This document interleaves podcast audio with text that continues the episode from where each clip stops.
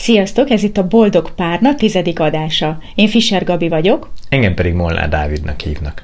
Az előző adásokban már beszéltünk az erőszakmentes kommunikációnak az első és a második lépéséről, a megfigyelésről és az érzés felismeréséről. A mai adásban pedig a harmadik lépésről fogunk beszélni, ami a szükséglet felismerése.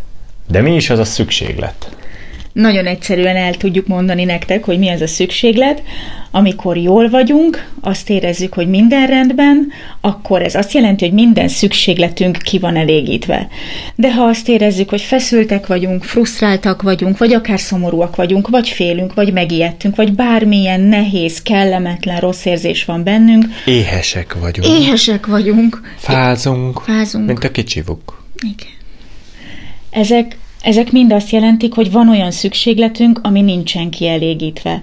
Ezt ennyire le lehet egyszerűsíteni, és az erőszakmentes kommunikáció ebből indul ki, hogy mindannyian rengeteg sok szükséglettel bírunk, ami vagy ki van elégítve, vagy nem, és ha nincsen, abból jönnek a nehéz, a rossz érzések. A mai adásban szeretnénk ezekről beszélgetni, és hogy egy kicsit rendezve, struktúráltan lássuk a dolgokat, a Maslow-féle szükséglet piramist fogjuk használni. Olyan jól össze van rakva, hogy nekünk már nem kellett azzal bajlódnunk, hogy rendszerbe foglaljuk, úgyhogy köszi Ábrahám, hogy ezt megcsináltad. A szükségletek legelső szintje az a testi szükségletek szintje. Na de mi is tartozik ide?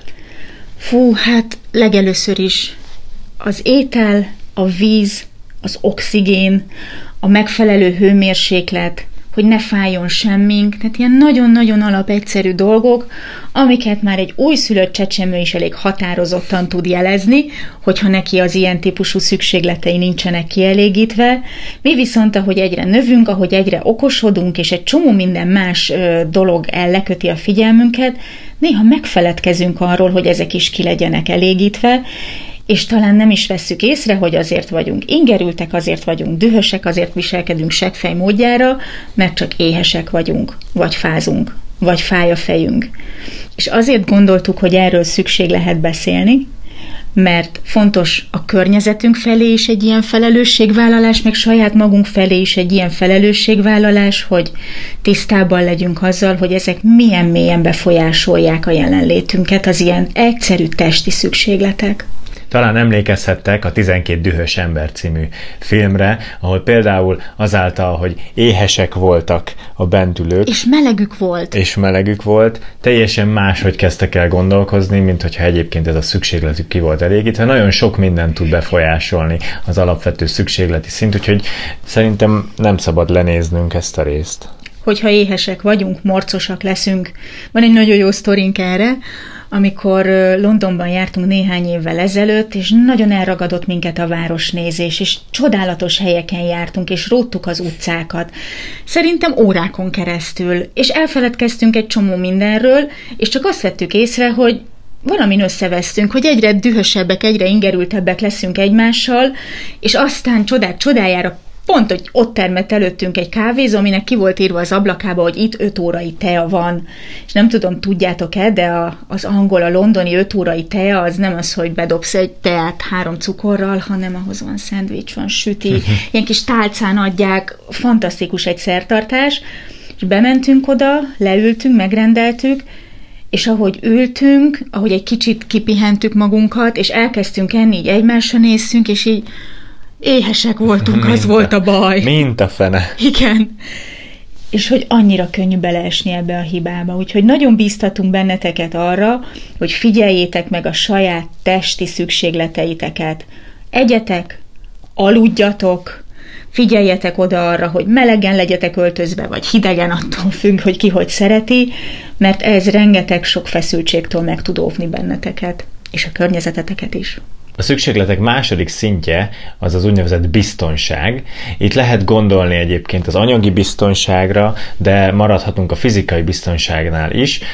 Gyakorlatilag arról van szó, hogy a következő lélegzetvételemhez mire van szükségem. Hogy holnap is lesz mit enni, hogy holnap is lesz fedél a fejem fölött. Hogy nem fognak megtámadni az utcán például. Így van, tehát az összes fizikai ö, sikon történő biztonság is ide tartozik, de egyébként a pénzügyi anyagi biztonság is ide tartozik hozzátartozik, eléggé összetett ez a téma. Igen, és ö, nagyon sokáig lehet, és nagyon sokáig tudunk is róla beszélgetni.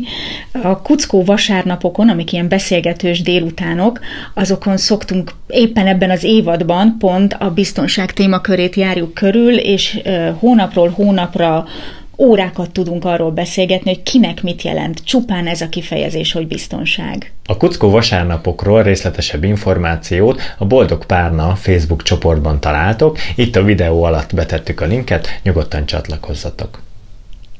Na de visszatérve a biztonság, biztonsági szükséglet témájához, egy kis szituációs gyakorlattal is készültünk nektek, és abban maradtunk, hogy egy kisebb részt ragadunk ki ebből a nagy témából, még hozzá az anyagiakat, a pénzügyieket, amik azt gondolom nagyon sok párkapcsolatban lehetnek vitás kérdések, és sokszor visszavezethető arra, hogy nagyon eltérő a pár két tagjának az a szint, ahol ő anyagilag biztonságban érzi magát. És olyan hihetetlen veszekedések tudnak ebből a különbségből fakadni, amiről nem tudjuk, hogy valójában az a szükséglet van mögötte, hogy biztonságban szeretnénk érezni magunkat, csak ez a pár két tagjának más-más szinten jön el.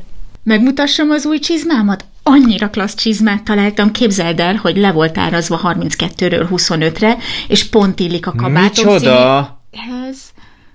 Nem azért dolgozom, hogy 25 ezres csizmákat Tökre vegyél. Megérte. Azért dolgozom, hogy ki tudjuk fizetni a lakáshitelt, meg ki tudjuk fizetni az autót, és talán maradjon még nyaralásra. Ebben a jelenetben azt láthattátok, hogy Dávid nagyon heves indulatokkal, nagyon dühösen reagált egy olyan szerintem hétköznapi eseményre, hogy a nő az vesz egy csizmát, egy ruhát, egy valamit, és ez az indulat, ez a hevesség ebben az esetben, legalábbis ezt szerettük volna megmutatni, abból fakad, hogy ő neki alapjaiban rengette meg a biztonságérzetét az, hogy a párja kiszámíthatatlan módon, előre nem megbeszélt módon egy olyan összeget költött el, ami szerinte már túlmutat azon a határon, ami még biztonságos. Ezt ugye nem hallottuk itt, hogy ezt kommunikálta volna, ez most az a rész volt, amiről azt gondoljuk, hogy előszokott fordulni párkapcsolatokban, és hogy nem az erőszakmentes kommunikációja egy biztonsági szükségletnek. Ennek a helyzetnek a megoldási lehetősége az, hogy nem elvárom a másik féltől azt, hogy ő mindenképpen tudja, hogy hol van az én biztonsági szükségletem, hanem megállapodok vele abban, hogy például egy bizonyos anyagi költés fölött beszéljük meg, hogy az a költés az mire fog menni, és hogy hogyan gondoljuk ezt a dolgot. Mert hiszen e- az egész rendszert érinti. És akkor, ha az egyik félnek a biztonságérzetét ez sérti, akkor az egész rendszernek a biztonságérzetét sérti.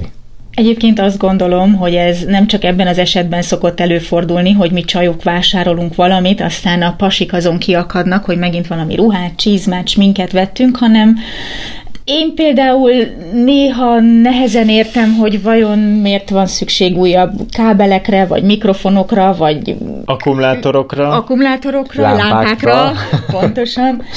Azt hiszem, hogy ezt meg talán a mi oldalunkról nehezebb megérteni, hogyha nekünk van ezzel az anyagi biztonsággal történetünk. Ahhoz is van egyébként ötletünk, hogy hogy lehet ezt akár férfi, akár női oldalról erőszakmentesen kommunikálni, hogyha szembesülünk egy olyan vásárlással vagy pénzköltéssel, ami egy kicsit így melbevágott minket a párunk részéről. Mutattam már az új csizmámat, szerintem annyira klassz. Képzeld, majdnem pont ugyanolyan árnyalata van, mint a kabátomnak, Pont az én méretem, az utolsó volt, és le is volt árazva 32-ről 25-re. Szerintem tök jó vétel volt. 25 ezer forint? Igen, az egy csizmáért. 25 ezer forint? De... Ez azért bőven sokkal több, mint amennyit gondoltam most így elkölteni, mert hát ugye bár nem azért dolgozom, hogy hogy most ilyen 25 ezeres csizmákat vegyünk, hanem a lakáshitelt ki kell fizetni, az autó, akkor a nyaralásra is szerettem volna félretenni. Kérlek, beszéljük meg, hogy a jövőben melyik az az összeghatár, ami fölött már semmiképp nem, nem döntjük el egyedül ezeket a költéseket. Én azt hittem, hogy ilyen 40-50-ig simán lehet költeni, én hát, tökre azt gondoltam. Én meg úgy gondoltam, hogy 10 fölött megbeszéljük. 10 fölött? Legyen 15. Jó az neked? Jó, és akkor ez a csizma maradhat? Hát most már ne vissza. Jó. Amit fontosnak gondoltunk ebben a megoldási verzióban, az az, hogy igen, ez most egy kemény, nehéz helyzet volt, de Dávid itt most vett egy mély lélegzetet, azt talán láthattátok, leküzdötte az első indulatát, nem úgy, mint az első verzióban, és elmondta, hogy ő neki most arra lenne szüksége, hogy megbeszéljük, hogy a jövőben mi lesz ezekkel a költésekkel, mert ez az egész jövőbeli biztonságérzetét fogja megalapozni, hogyha tudja, hogy nem kell arra számítania, hogy random kidobálom a pénzt az ablakon mindenféle fölösleges csizmákra, meg kabátokra, meg ilyen remek dolgokra. Maslow'nál a következő szinthez tartozik, de én nálam az én lelkemben még a biztonsághoz sorolnám azt, hogy a valahova tartozás igénye. Az, hogy legyen egy megtartó közösségünk, egy, egy háló, amibe kapaszkodhatunk, ami megtart minket, családi kapcsolatok, baráti kapcsolatok, párkapcsolat, hogy emberek megtartsanak minket, hogy ne egy szál magunkban legyünk ezen a világon, ez a harmadik szint. Én ezt egy kicsit a biztonsághoz sorolom, itt külön van. És amit még ide szeretnék kötni, hogy a következő szint, az elismerés iránti igény, ezzel a kettővel nekem egy kicsit összefügg a valahova tartozás, meg az elismerés, ezek olyan szociális szükségletek, amik azt jelzik, hogy, hogy úgy vagyunk itt a világban, hogy mások elfogadják, sőt, mi több ünneplik a létünket, szeretnek, elismernek minket. Valahol ez is létszükséglet, azt gondolom.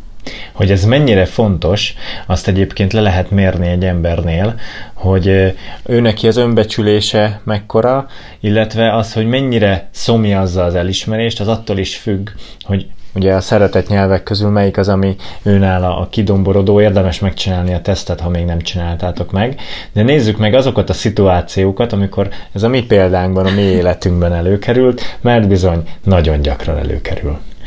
Nekem, amikor ezt a, ezt a szükségletet gondoltam át, rögtön eszembe jutott, hogy jó pár évvel ezelőtt elmentem kosarazni. Egy összeszokott társaságba újként ott megpróbáltam integrálódni, és nem hónapokon, de éveken keresztül éreztem azt, hogy én nekem a közös alkalmakra valami sütivel kell készülnöm, mert akkor fognak majd el és befogadni, hogyha én valamit viszek. Úgyhogy a valahova tartozás igénye nálam például ebben nagyon kézzelfogható, hogy én úgy gondoltam, hogy ebben a társaságban akkor fognak elfogadni, hogyha én ezt már előre honorálom valamivel. Az én életemben pedig egyértelműen kézzelfoghatóan ez a szóviccekben jelenik meg. Mindenki tudja rólam, aki körülöttem van, hogy én nagyon-nagyon szeretem a szóvicceket, na de honnan is jön ez? Én gyerekkoromban azt láttam, hogy amikor apukám, vagy a nagypapám, vagy családi barátok egy közösségben viccet mesélnek, akkor a többiek mosolyognak, örülnek neki, tehát akkor egy pozitív rokonszenv kerül kifejeződésre, és arra jutottam, hogy ha én is gyűjtöm a vicceket, és tudok majd vicceket mesélni, akkor fognak szeretni. Na de, gyerekkoromban, 8-10 évesen, hát milyen vicceket tudok mondani? Nyilván olyanokat, amit már mindenki ezerszer hallott. Ilyen Móricka vicceket, igaz? És hát azt vettem észre, hogy hiába mondom el ezeket a vicceket, ha már ismerik, akkor sajnos nem tudok vele akkora sikert aratni, úgyhogy elkezdtem saját vicceket gyártani, és hát a szóvic gyár az folyamatosan megy a fejemben, és sokan nem hiszik el, hogy én minden ötödiket mondom csak ki, mert tudom, hogy most már ez egy kicsit túlzásba ment, de ez a saját védjegyem lett, és ez mind azért volt, hogy engem elismerjenek, szeressenek, és ezt kifejezzék a társaságban. Egészen különleges élmény arra ébredni reggel fél hétkor, hogy Dávid már megint kitalált valami szóviccet, és ezzel ébreszt engem, hogy vajon mit szólok hozzá. De én ezt imádom. Egyszer például mondtam egy kémiával kapcsolatos viccet, de semmi reakció.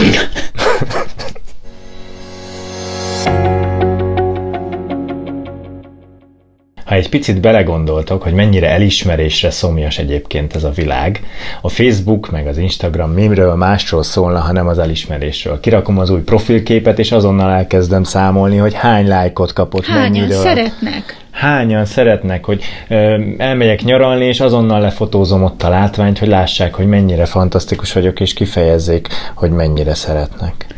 Megosztjuk ezeket a videókat, és mi is azt szeretnénk, hogyha ti lájkolnátok, kommentelnétek, mert mi meg abból tudjuk, hogy elismertek, és ti is a mi közösségünkhöz tartoztok. Úgyhogy szeretnénk biztatni is benneteket arra, hogy írjatok kommentet, bármit, ami eszetekbe Iratkozzatok jut. fel a csatornára. Bármi, ami eszetekbe jut a videónkról, és azt mi nagyon kellemes elismerés élményként fogjuk azonosítani. Ha belegondoltok, nem olyan régen volt az Oscar gála, ott is miről szól a dolog. Valaki valamilyen teljesítményt csinált, akkor azt elismerik. Nagyon nagy tömeg előtt elismerik, de azt is megnézik, hogy milyen ruhába ment, azt is elismerik, is elismerik. és utána, hogy milyen beszédet tartott, arról is beszélnek, és azt is elismerik. És mind azt jelenti, hogy ő tartozik egy közösségbe, és annak a közösségnek egy elismert tagja. Az erőszakmentes kommunikációnak a lényege nagyon nagy vonalakban, hogy a szükségleteinket tudjuk kommunikálni, és hogy azokat a szükségleteket kérések formájában, és nem pedig elvárások formájában tudjuk kommunikálni, mert így van a legnagyobb esély arra, hogy ezek a szükségletek ki is elégülnek. Viszont amikor arról kezdtünk el gondolkodni, hogy a valahova tartozás igénye, vagy az elismerés iránti szükségletünk hogyan fogalmazható meg nyíltan, tisztán, kommunikálva kérés formájában, hát nem nagyon jutottunk semmire, vagyis egy olyan megoldásra jutottunk, ami egy kicsit megfordítja a helyzetet, hogyha mi magunk kezdünk el elismerő szavakat adni másoknak a környezetünkben, és mi magunk fejezzük ki azt, hogyha valakit hozzánk tartozónak érzünk. Ez pontosan azt jelenti a hétköznapok szintjén, hogy kezdjük el egymást arcon dicsérni. De nagyon. Komolyan, abban a pillanatban, hogy bármi elismerésre méltó találunk a másikban, kezdjük el kifejezni felé. Hogy miért? Azért, mert a jó példa nagyon gyorsan ragadósá fog válni, és előbb-utóbb mi is hozzá fogunk jutni az elismerő szavakhoz és a valahova tartozás élményének a megéléséhez. Nem olyan régen járt nálam egy pár párterápián, és az első néhány alkalommal nagyon sokáig ragadtunk azokban a körökben, hogy de mit nem csinál Béla, de mit nem csinál Bella, de én ezzel vagyok elégedetlen, de te azzal vagy elégedetlen. És egy idő után, amikor azt éreztem, hogy jó, akkor most tényleg el tudta mondani mindenki a fájdalmát, arra kértem őket, hogy próbálják meg minden nap megnézni azt, hogy a másik mit tesz ő értük, és hogyha megtalálták azt az egy vagy két esetet, amit észreltek, hogy igen, ő most bevásárolt helyettem, hú, eszébe jutott, hogy én szeretem, ha ki van szellőztetve, amikor hazaérkezek, és megtette az ilyen apróságokat, és ne csak észrevegyék, hanem jelezzék vissza a másikuknak, hogy köszönöm szépen, hogy gondoltál rám, és nekem is hoztál sárgadínyét. Akkor ezek egy hét alatt akkora változást jelentett a pár életében, hogy alig hittem a szememnek. És ők maguk mondták, hogy nem hiszik el, hogy ez mennyire sokat adott nekik, hogy szemüveget cseréltek, és elkezdték azt nézni, hogy mit kapnak, és elkezdték visszajelezni a másiknak, és ettől megerősödtek abban, hogy igen, igen, igen, megéri odafigyelni, hogy tegyek a másikért, és megéri visszajelezni, mert én is megkapom az elismerő szavakat. Ugyanez a gyakorlat egyébként egyedül is végezhető, ezt coachingban szoktuk csinálni, hogy írd föl az összes olyan dolgot, amire büszke vagy, és abban a pillanatban, hogy elérted a tetejét, és már nem tudsz többet írni, akkor is minden nap bővíteni kell a listát, mert elkezd arra szemünk lenni, hogy olyan apróságok, hogy én adtam a kéregetőnek ö, valamennyit, vagy átkísértem valakit az úton, vagy egyszerűen csak felhívtam valakit, és megkérdeztem, hogy hogy van. Vagy egyszerűen csak ma reggel is fölkeltünk, és elmentünk futni, vagy bármi ilyesmi, vagy betartottam a diétát, vagy teljesen mindegy, azokat a dolgokat is elkezdjük felértékelni magunk előtt, és ha elfogynának, elkezdünk egyébként úgy viselkedni, hogy legyen mire büszke lenni. És így az a szükségletünk, amit egyébként másoktól várnánk, hogy kérjük szépen, dobáljatok minket elismerő szavakkal. Szeressetek! Az annak egy része ki tud elégülni azáltal, hogyha magunkat meg tudjuk dicsérni dolgokért. És hogyha mi magunk is ebben magabiztosabbak leszünk, sokkal könnyebben fogunk tudni adni másoknak a környezetünkben elismerő szavakat. Ha tetszik a videónk, ha tetszik ez a YouTube csatorna, akkor iratkozz fel a feliratkozás gomb megnyomásával, és ne felejtsd el megnyomni a harangikont sem, hogy ne maradj le egyetlen új videónkról sem. Nagyon köszönjük! A mai videónk összefoglalásaképpen akkor elmondanánk azokat a jó tanácsokat vagy gyakorlati tippeket, amiket a szükséglet felismeréséhez kapcsolódóan találtunk ki. Ugye ez a szükséglet felismerés, ez az erőszakmentes kommunikációnak a harmadik lépése. Az első volt a megfigyelés, a második volt az érzések azonosítása, és ma a szükségletekről beszéltünk.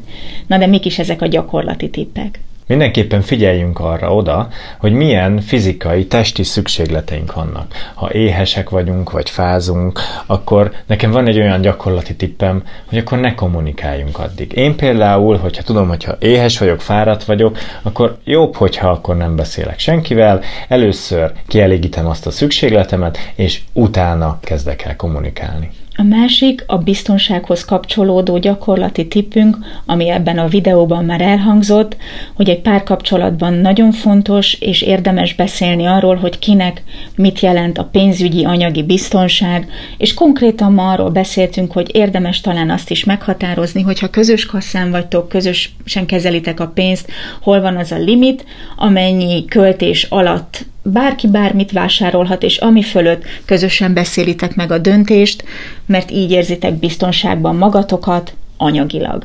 A szociális szükségletekhez tartozó, egyébként az elismerésről szóró részből pedig azt a gyakorlati tippet tudjuk nektek adni, hogy kezdjetek el tudatosan megdicsérni mindenkit, akivel találkoztok, de én azt szoktam mondani a coaching gyakorlatban, hogy öt dicséretet osz ki egy nap. Hogyha nem tudod ezt megoldani, mert nem találkozol annyi emberrel, akkor hív fel valakit telefonon, vagy ír neki messengeren, vagy az utcán egyszerűen csak dicsér meg valakit valamiért, amit, amit ott helyben tényleg őszintén mondasz, ne csak azért mond, mert egyébként ezt a gyakorlatot el kell végezni, hanem keresd meg, hogy miért tudod őszintén megdicsérni, és mondd is ki hangosan, meglátod, fantasztikus eredménye lesz. Talán olyan lesz ez, mint azok a közkeletű lánclevelek, amiket még kamaszkorunkban kaptunk, hogy ha ezt elküldöd öt embernek, akkor majd két hónap múlva 5000 levél jön vissza, mert mindenki elküldi öt embernek. Hát ha csak öt dicséretet osztasz ki, és az az ember is kioszt öt dicséretet, hát ha olyan gyorsan körbeér, hogy nálad is megjelenik majd temérdeknyi elismerő szó.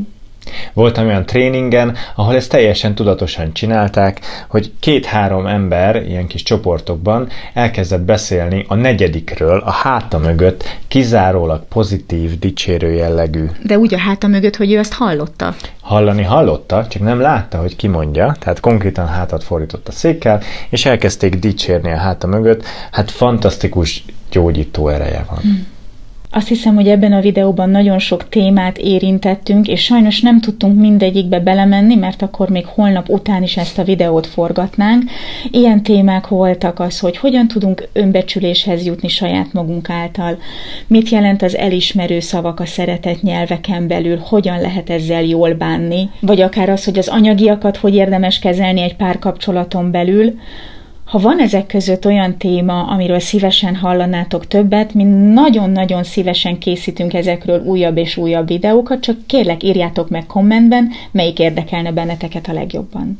Jövő héten az erőszakmentes kommunikáció negyedik lépéséről fogunk beszélni, vagyis a kérés megfogalmazásáról. Ha tetszik az a kezdeményezésünk, hogy aktívan beszélünk az emberi kapcsolatok tudatos fejlesztésének a mikéntjeiről, és ismertek olyat, akinek esetleg értékes lehet ez a videónk, akkor mutassátok meg neki, vagy osszátok meg a közösségi felületeiteken. Jövő héten, csütörtökön este hétkor várunk benneteket a szokott időben a következő részünkkel, a Facebook csoportunk linkjét pedig lent találjátok majd a leírásban. Várunk benneteket. Sziasztok! Sziasztok!